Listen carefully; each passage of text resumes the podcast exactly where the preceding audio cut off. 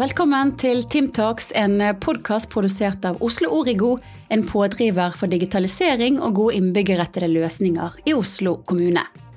Her tar vi en digital fot i bakken og utforsker måter å gjøre livet litt bedre på, og enklere for Tim, vårt symbol på innbyggeren. Og som vi håper kan inspirere deg til å bli med på denne digitale reisen. Velkommen til første episode av podkastserien Teamtalk fra Oslo Origo. Mitt navn er May-Lisbeth Midtgaard Myrevang. 12. mars varslet som kjent Erna Solberg de sterkeste og mest inngripende tiltakene her til lands i fredstid. Men allerede ei uke før tok Oslo kommune et drastisk koronatiltak. De avlyste publikumsarrangementene i Holmenkollen. Hvordan var det da å stå midt oppi dette her og være med og ta avgjørelser som påvirket både innbyggere og ansatte i kommunen på enormt mange måter de neste ukene og månedene, uten helt å vite hva som var riktige avgjørelser? Hvordan har det gått? Hva slags erfaringer kan vi ta med oss videre? Og vil alt bli som før? På behørig avstand her i studio har vi fått storfint besøk, nemlig helsebyråden i Oslo kommune, Robert Steen. Velkommen! Tusen, tusen takk skal du ha. Det er hyggelig å være her hos deg. Så hyggelig. Jeg har jo eh, servert deg både antibac og meterstokken her. Er vi innafor, Robert? Vi er utenfor. Eh, jeg tror det er det som er greia nå om dagen. Du må være utenfor meteren, ikke innenfor, Marlisbeth. May-Lisbeth. Ja, det... det... er jo der hvor en del ungdommer kanskje trår litt feil om dagen. Ja, det var et lurespørsmål. Du har selvfølgelig helt rett. Du har jo vært byråd for finans i fire år, men like før jul så ble du altså byråd for helse, eldre og innbyggertjenester. Så du fikk jo nærmest kastet denne covid-19-situasjonen rett i fanget som relativt ny helsebyråd. Hvordan var det? Nei, hvis jeg skal være litt alvorlig, eh, så har det vært en ekstremt intens periode. Eh, ikke bare for meg, selvfølgelig. For alle som har jobbet med helse og omsorg eh, i første omgang. Men jeg tror også for alle andre som har jobbet i både kommunen og i staten. Og for den saks skyld også alle som bor i byen og bor i Norge. Kanskje også i verden så har det vært en veldig intens firemånedersperiode siden covid-19 eller korona kom til Norge. Første tilfelle som eh, vi vel har klart å finne, kom med fly eh, og mellomlandet på Gardermoen på vei til Tromsø 27.2. Og så kom de to første tilfellene som bodde i Oslo 28.2. Og fra da så har det nesten gått døgn rundt, og det har vært ett fokus, og det er covid-19 eller korona. Men hvordan begynte det for dere i, eh, i Oslo kommune, da, altså på toppen der? Altså, hvordan fant dere ut at vi må gjøre noe? Nei, altså Det begynte jo noe før dette. Vi, vi, hadde jo allerede sett hva som skjedde i Kina, i Wuhan-regionen. Eh, vi hadde sett hva som eh, var i ferd med å utspille seg i Nord-Italia, først og fremst. Vi så hva som var i ferd med å flytte seg til Spania, så vi hadde stor oppmerksomhet rundt dette. Vi hadde allerede etablert det som heter krisenivå to eh, i kommunen. Vi har tre krisenivåer i kommunen. Vi hadde etablert det nest høyeste når vi begynte å nærme oss slutten av februar måned. Så vi ventet egentlig og forberedte oss på at eh, viruset kunne komme eh, til Oslo og til Norge, eh, og det gjorde det altså i slutten av februar måned. Fortsatt hadde vi ganske god kontroll over viruset. Vi visste hvem det var som var smittet, vi visste hvem de hadde vært i, kontroll, vært i kontakt med, men den situasjonen skulle komme til å endre seg veldig, veldig fort. Ja, for eh, beredskapsnivået det ble jo hevet til eh, tre, 11. mars, mm. dagen før eh, Norge stengte. Og tidligere på dagen, før Erna var annonserte sitt budskap på pressekonferansen, så var jo Raymond ute og gjorde seg kanskje litt sånn upopulær. Følte dere at dere var det? Ja, ikke nødvendigvis upopulære. Vi hadde hatt en ukes tid hvor vi, som du var inne på i stad, hadde egentlig sett starten på det vi nå syns er veldig, veldig lenge siden. Torsdag 5. mars. Da gikk vi på Dagsrevyen eh, direkte klokka sju om kvelden og annonserte at publikumsarrangementene i Holmenkollen den lørdagen og søndagen, femmila, tremila, hopprennene, eh, avlyste vi. Eh, vi skulle la konkurransene gå som planlagt, men det skulle vises på TV, og publikumsarenaene skulle stenges. Det var altså torsdag 5. mars. To dager senere, lørdag den 7. mars, så er det allikevel tusenvis av mennesker som tar seg opp i Holmenkollen. Jeg husker veldig godt et intervju på Dagsrevyen lørdag den 7. med noen uh, unge gutter uh, som hadde stått ute i skauen og skjenka seg hele formiddagen. Uh, og de var så stolte, fordi som de sa, det der byrådet sier at vi ikke skulle ha kollektiv, så vi har leid en maxitaxi for å komme oss opp hit. Og det var liksom litt der vi var, da. Lørdag den 7. mars. Og så gjentok litt det samme seg, ikke så mye fyll kanskje, på søndag den 8., og så går det fire dager, og så stenger Norge. Dagen før det eh, så, så vi, eller så hadde vi allerede besluttet oss for å stenge barnehaver og skoler i Oslo. Fordi det vi så, og det er jo en del som har glemt, det var jo at foreldrene hadde jo allerede begynt å ta barna sine ut av barnehagene og ut av skolene i frykt for denne smitten som de nå så var på vei, og hvor uroen var veldig, veldig høy. Kanskje først og fremst eh, drevet av de sterke bildene som vi fikk på nyhetene fra Nord-Italia. Så det var nok først og fremst det som var driveren bak beslutningen, og jeg tror nok at veldig mange foreldre i den situasjonen opplevde en lettelse over at eh, det var noen politikere som faktisk tok denne situasjonen så alvorlig og gjorde de grepene som vi gjorde i Oslo, først og fremst. Ja, Det var jo mye usikkerhet og frykt som eh, du nevner, men hvor vanskelig var det å ta avgjørelser så raskt? Er det vanlig i eh, en så stor kommune? Nei, jeg tror ikke det er vanlig i noen organisasjon, og ikke bare at det er store beslutninger som kan tas, men de er ganske komplekse. For en av de tingene som vi måtte diskutere, det var konsekvensene av å stenge barnehaver og skoler eh, over byen vår. For eh, alle disse foreldrene som har barn i barnehaver og skoler, de bruker jo stort sett dagen på jobb. Mange av de som eh, jobber eh, med barn i skole- og barnehagealder, jobber i helse- og omsorgssektoren. De jobber på sykehusene våre, de jobber på sykehjemmene våre, og de jobber i helse- og omsorgssektoren i hjemmetjenester i bydelene våre. Alle disse funksjonene så vi at kom til å være enorm etterspørsel, samtidig som vi så en stor risiko for at mange av de ville måtte kunne komme til å gå ut i karantene og bli syke som en konsekvens av viruset. Så det å veie opp ø, tilgjengelighet på foreldre, samtidig som vi ønsket å ta barna hjem, var jo en av de diskusjonene som vi måtte ta, og vi måtte ta det raskt. Og det var en ø, uvanlig situasjon, definitivt. Ja, det ble jo en rask uh, Det ble raskt en ny hverdag for de aller fleste. Også for oss som jobber i Oslo kommune. Blant annet så ble vi jo pålagt å ta hjemmekontor, og plutselig så måtte vi ha møter digitalt. Hvordan vil du si at det har fungert? Det er jo veldig mange av disse områdene hvor vi i ettertid eh, har blitt veldig sånn positivt overrasket. Eh, jeg kom til eh, politikken og til Oslo kommune 21.10.2015 klokka ti. En av de få politikere som veit når jeg ble politiker, på timen. Jeg kom fra medieindustrien den gangen og var jo vant til digitale møter, digitale møteplasser, hjemmekontor osv. Og, så og løftet dette som tematikk når jeg kom hit den gangen som finansbyråd. Og Da fikk jeg forklart at uh, veldig mye av uh, det jeg var vant til i uh, privat næringsliv, var vanskelig å få til i offentlig sektor. Det var lovreguleringer, det var interne regler, det var økonomi, det var teknologi, det var privat hensyn, det var teknologi og datasikkerhet osv. som gjorde hele dette med digitale møteplasser veldig vanskelig. Og så får vi altså en pandemisituasjon og så virker det som om nesten hele kommunen, i hvert fall de som jobber i eh, kontorsammenheng, eh, er over på digitale møteplasser i løpet av 48 timer. Det var en fascinerende opplevelse. Jeg har hørt du har sagt eh, at du har kalt det for et stort eksperiment. Ja, vi visste jo ikke hva som skulle komme ut av dette. Én uh, ting er liksom at vi gjorde en del beslutninger som vi i ettertid ser at vi måtte gjøre, og som var veldig viktige i forhold til dette med å stenge ned samfunnet for å kvele smitteutviklingen. Eh, men vi visste jo ikke hvordan dette her ville eh, slå ut.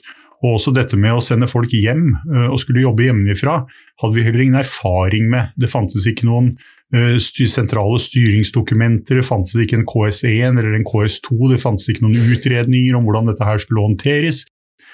Så Sånn sett så var det jo et veldig stort eksperiment. Det som er det spennende og kanskje morsomme og gledelige i ettertid, er at det jeg opplever er at de aller, aller fleste har klart å utføre sine oppgaver og det som man er satt til å gjøre, også fra en hjemmeløsning over digitale møteplasser. Eh, jeg, meg bekjent så er det veldig få møter som ble avlyst eh, fordi vi ikke kunne ha de fysisk. De ble gjennomført, og vi har også hatt nå de siste månedene bystyremøter med nesten 100 mennesker på møte, gjennomført i tråd med det som er reglementet i Oslo kommune.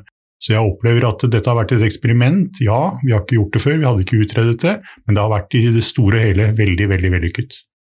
Det var jo mange som fikk hverdagen snudd opp ned, bl.a. dette med hjemmekontor som vi har nevnt. Og for eh, som du sier, så eh, fungerte jo det ganske bra, kanskje særlig etter at hjemmeskole var eh, ferdig. Jeg snakker for min egen del, blant annet. Men det var jo også en del positive konsekvenser av det å slippe å måtte dra på jobben. Altså Det har vært mye læring, opplever jeg, gjennom disse fire månedene vi har levd i den situasjonen vi har. Og Når det gjelder dette med hjemmekontor, hjemmeskole, hjemmebarnehage, så er det klart at det gir en ekstra belastning på hjemmesituasjonen i seg sjøl. Eh, det har også vært, eh, og berettiget sådan, eh, mye bekymring knyttet til barn i vanskelige situasjoner som ikke lenger fikk sine tilbud men det som kanskje har vært mest overraskende, og som vi ikke så like klart, det var at det er en del stresselementer i hverdagen eh, som ble tatt bort. Plutselig så var det ingen eh, matpakker som skulle smøres om morgenen. Plutselig så var det ikke to, tre, fire, fem mennesker som skulle ut av døra før klokka sju om morgenen. Plutselig så var det ingen som skulle hentes i barnehage og skoler for å så bli transformert inn til fritidsunger som skal på en eller annen aktivitet i vargtimen mellom klokka fire og klokka fem om ettermiddagen ettermiddagen. Og jeg opplever at veldig mange eh, som har barn, melder tilbake til meg at mye av det hverdagsstresset har blitt borte, og det har også blitt satt stor pris på. Eh, nå er det ikke bare eh, de positive historiene vi skal dvele med, vi skal ikke dvele med bare de negative heller. Jeg tror vi skal ta et bredt syn på, på det som har skjedd. Og her har det vært mange mange erfaringer som jeg tror vi skal ta med oss videre etter at covid-19-situasjonen er mer normalisert. Er det noe som har imponert deg eller overrasket deg? Nei, Jeg må jo si at uh, generelt sett så syns jeg jo at uh, hele atferden til uh, alle folk i Oslo har imponert meg. Man ble bedt om å gå hjem den 12. mars, og man gikk hjem. Man ble bedt om å være hjemme, og man blei hjemme. Plutselig så var gatene tomme, plutselig var butikkene tomme, plutselig var kollektivtransporten tomme, skolene tomme, idrettsanleggene tomme. Det var det man ble bedt om, og det gjorde man. Man opplevde ikke den samme uroen som det man har sett i en del andre samfunn. Og Her tror jeg at eh, kanskje først og fremst Norge, den norske kulturen og den norske samfunnsmodellen virkelig har vist sin styrke. Det har vært imponerende.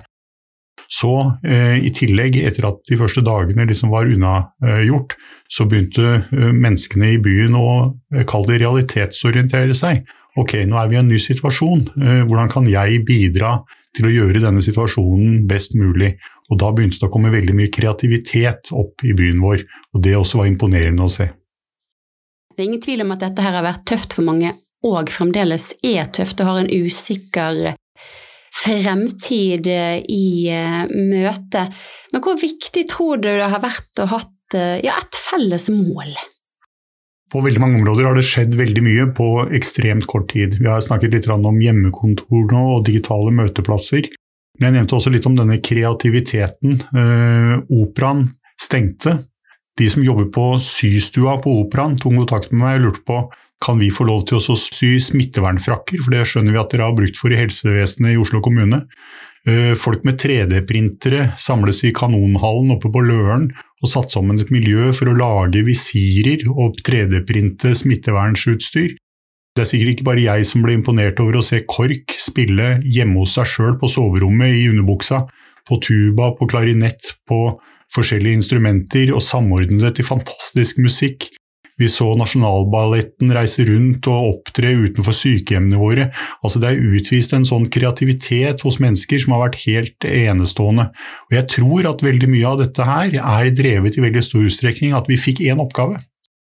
Hele byen, alle 700 000 innbyggerne, fikk én oppgave, og det var å håndtere en pandemi som vi kaller for korona, eller covid-19. og Det var den eneste oppgaven vi skulle holde på med i noen uker og måneder. Vi slapp alt annet vi hadde i hendene, og ut av det så kom det fantastiske resultater. Oslo er nok en av de kommunene i Norge som har blitt truffet av koronaepidemien, som har klart seg best. Norge er et av de landene i verden som har klart seg best. Ergo er Oslo en av de kommunene og byene i verden sannsynligvis som har blitt rammet av covid-19, som har klart seg aller, aller best i denne pandemien.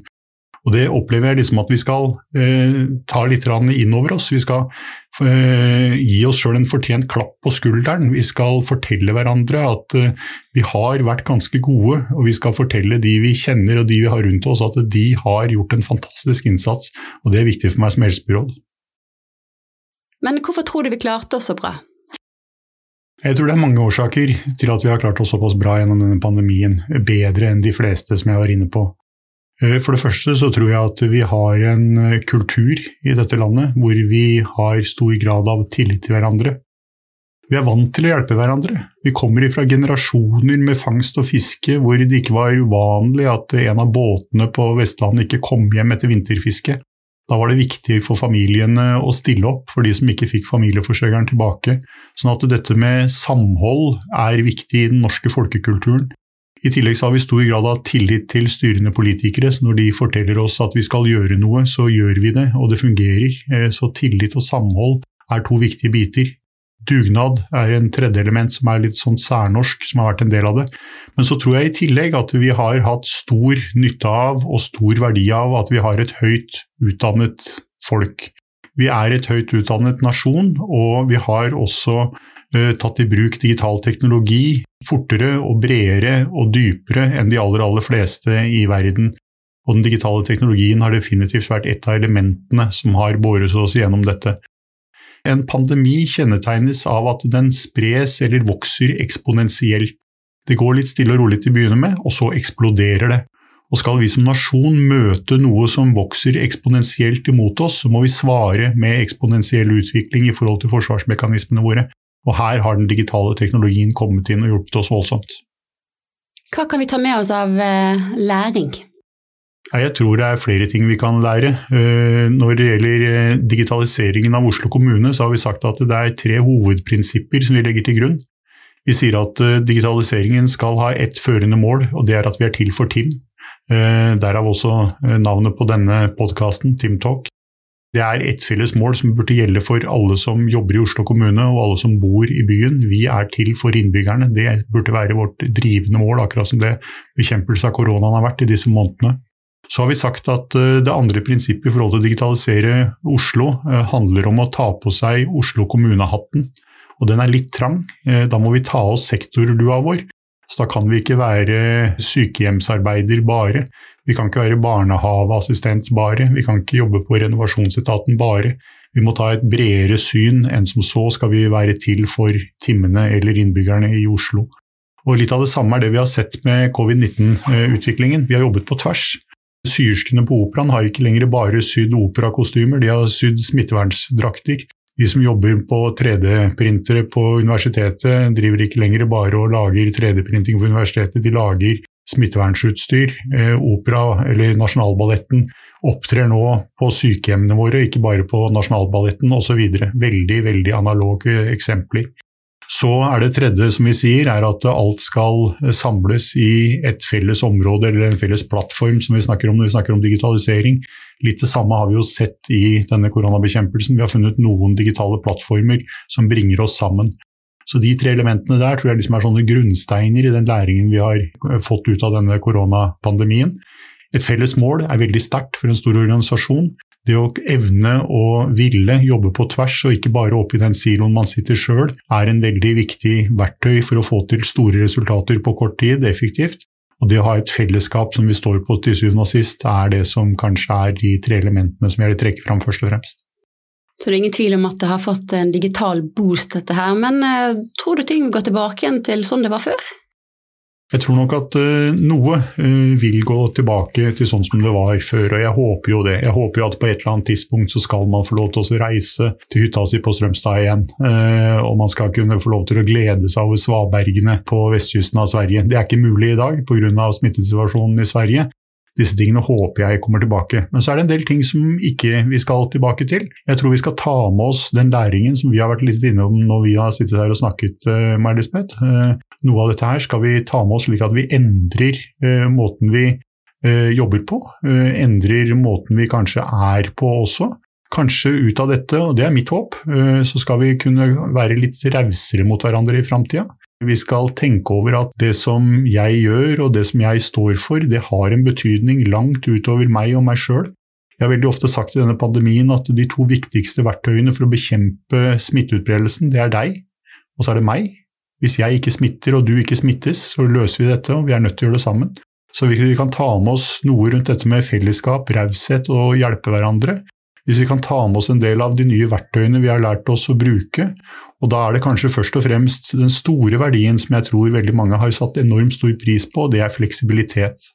Dette må du ikke si til Raymond, men et av byrådsmøtene som vi også har på Teams, har jeg gjennomført eh, med eh, øretelefoner på vei ned fra Uranienborg-hjemmet, gjennom eh, Drammensveien og gående ned mot Nationaltheatret.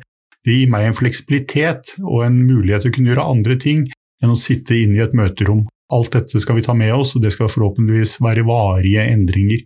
Så det er noe som kommer til å bli som før. Svabergene på vestkysten av Sverige og så er det noe som skal endres. Sånn tror jeg det kommer til å bli. Hvor lenge tror du vi sitter på hjemmekontor, da? Nei, Det er et uh, litt åpent spørsmål. Vi har vel i kommunen sagt at i første omgang så gjelder denne situasjonen fram til 20.8. Så håper jeg at vi skal kunne finne løsninger hvor vi kan kanskje rotere litt. Det er ikke hjemmekontorene som er det viktigste i denne sammenhengen, men det er faktisk kapasiteten på kollektivtransporten. Så lenge vi fortsetter å måtte ha dette eh, viruset i eh, befolkningen, og det må vi ha helt fram til vi finner en vaksine, og det kan ta en stund, eh, så er vi nødt til å opprettholde meteren, som det heter nå, altså sosial distanse. Vi er nødt til å fortsette å være flinke med eh, basishygiene. Det håper jeg også er noe som vi skal ta med oss etter at smitten er borte. Og så er vi nødt til å passe litt på når vi blir litt dårlige, får litt symptomer, holde oss hjemme, teste oss tidlig få avdekket eventuelt hvem man har vært i kontakt med hvis man blir positivt testet. Disse tingene tror jeg vi må leve med i ganske lang tid framover. Hjemmekontor er som sagt en avledet element av dette med at det er ikke plass på kollektivtransporten faktisk, til å opprettholde énmeteren dersom vi skal nå fylle på med folk på kontorene igjen. Så det må vi komme tilbake til når vi ser an situasjonen etter sommeren. Hva tenker du om eh, ja, fokuset til folk nå når det har gått en stund, og det har vært ganske varmt og deilig ute?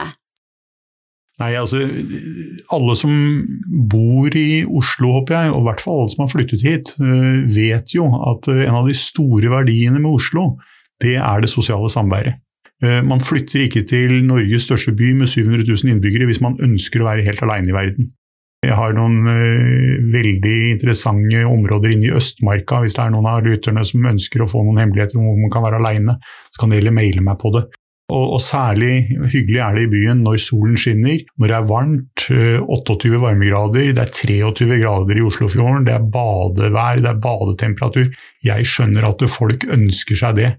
Og jeg syns det også er helt greit, uh, så lenge vi husker på den der lille meteren. Men vi har Eh, glemt litt. Vi, vi, har på følelsen av at viruset er borte, og det er det ikke. Jeg pleier å si at eh, koronaviruset tar ikke sommerferie, og det må vi som tar sommerferie, huske på. Hva blir det aller viktigste fremover? Det aller viktigste fremover blir at vi klarer å holde smitten nede. Og smitten holder vi nede hvis vi holder en liten avstand til fremmede.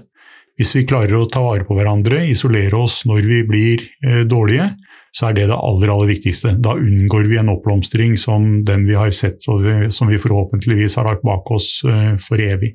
Og så blir det å manøvrere oss framover til vi får en vaksine som gjør at eh, dette viruset kan utryddes en gang for alle. Danskene har kalt denne strategien for 'hammer and dance', og de sier at vi må hamre ned smitteutviklingen, og så må vi danse oss framover inntil vi finner en måte å ta krenken på det på. Jeg syns det er et godt uttrykk, 'hammer and dance'. Helt på tampen, Robert. Norges ferie eller utenlandstur? Nei, igjen så har jeg eh, blitt eh, fascinert av teknologien. Jeg har som veldig mange av Oslos innbyggere eh, månedskort på Ruter-systemet. Jeg syns det er veldig morsomt når jeg da kjører utenfor sone 1 og kan bestille bare en tilleggsbillett fra Oslo-grensa til Gardermoen når jeg skal ut og fly f.eks., og så betaler jeg bare for den ekstra distansen. Sånne ting det morer jeg meg over. Og nå har jeg funnet ut at jeg kan gå inn på akkurat den samme Vy-appen og så kan jeg bestille, og det har jeg allerede gjort, da, en togreise fra Oslo til Bodø. Jeg bytter i Trondheim klokka litt over åtte, og så går toget videre klokka elleve om kvelden. og Da har jeg en sovekupé, og så våkner jeg i Bodø klokka ni om morgenen dagen etter. Så kan jeg rusle litt rundt i Bodø, og det skal jeg gjøre 12. juli. Eh, det sier jeg bare til deg, så ingen kommer og forstyrrer meg oppe i Bodø 12. juli. Ja, ja. Uh, og så har jeg en uh, hurtigbåt fra Bodø til Svolvær litt ut på ettermiddagen. Og så skal jeg ta Lofoten i en, litt over en ukes tid. Så det blir min sommer i år. Ja, da vet vi i hvert fall det. Så lurer jeg på håndvask eller antibac? Nei, jeg er jo født og oppvokst med Ole Brumm, uh, så for meg så er det begge deler. Helt enig. Da lurer jeg på håndhilsen, klem, fothilsen, nikk, smil, muntlig hei, ha det eller bare digital hilsen, og du kan velge flere her også. Ja, jeg, jeg, jeg blitt så gammel at jeg syns det er kleint jeg, med disse her og fothilsenene og litt sånne rare bevegelser som vi gjør. Jeg, jeg har møtt noen ministre som er veldig opptatt av å ta seg på hjertet, og det er liksom ikke meg fra Oslo øst. Så jeg syns det er veldig greit å si hei og ha det. Ja. Robert, takk for at du ville komme og dele dine erfaringer. Da sier vi hei og ha det, og så får Klemmen vente. God sommer. God sommer til deg også, May. Det har vært veldig, veldig hyggelig.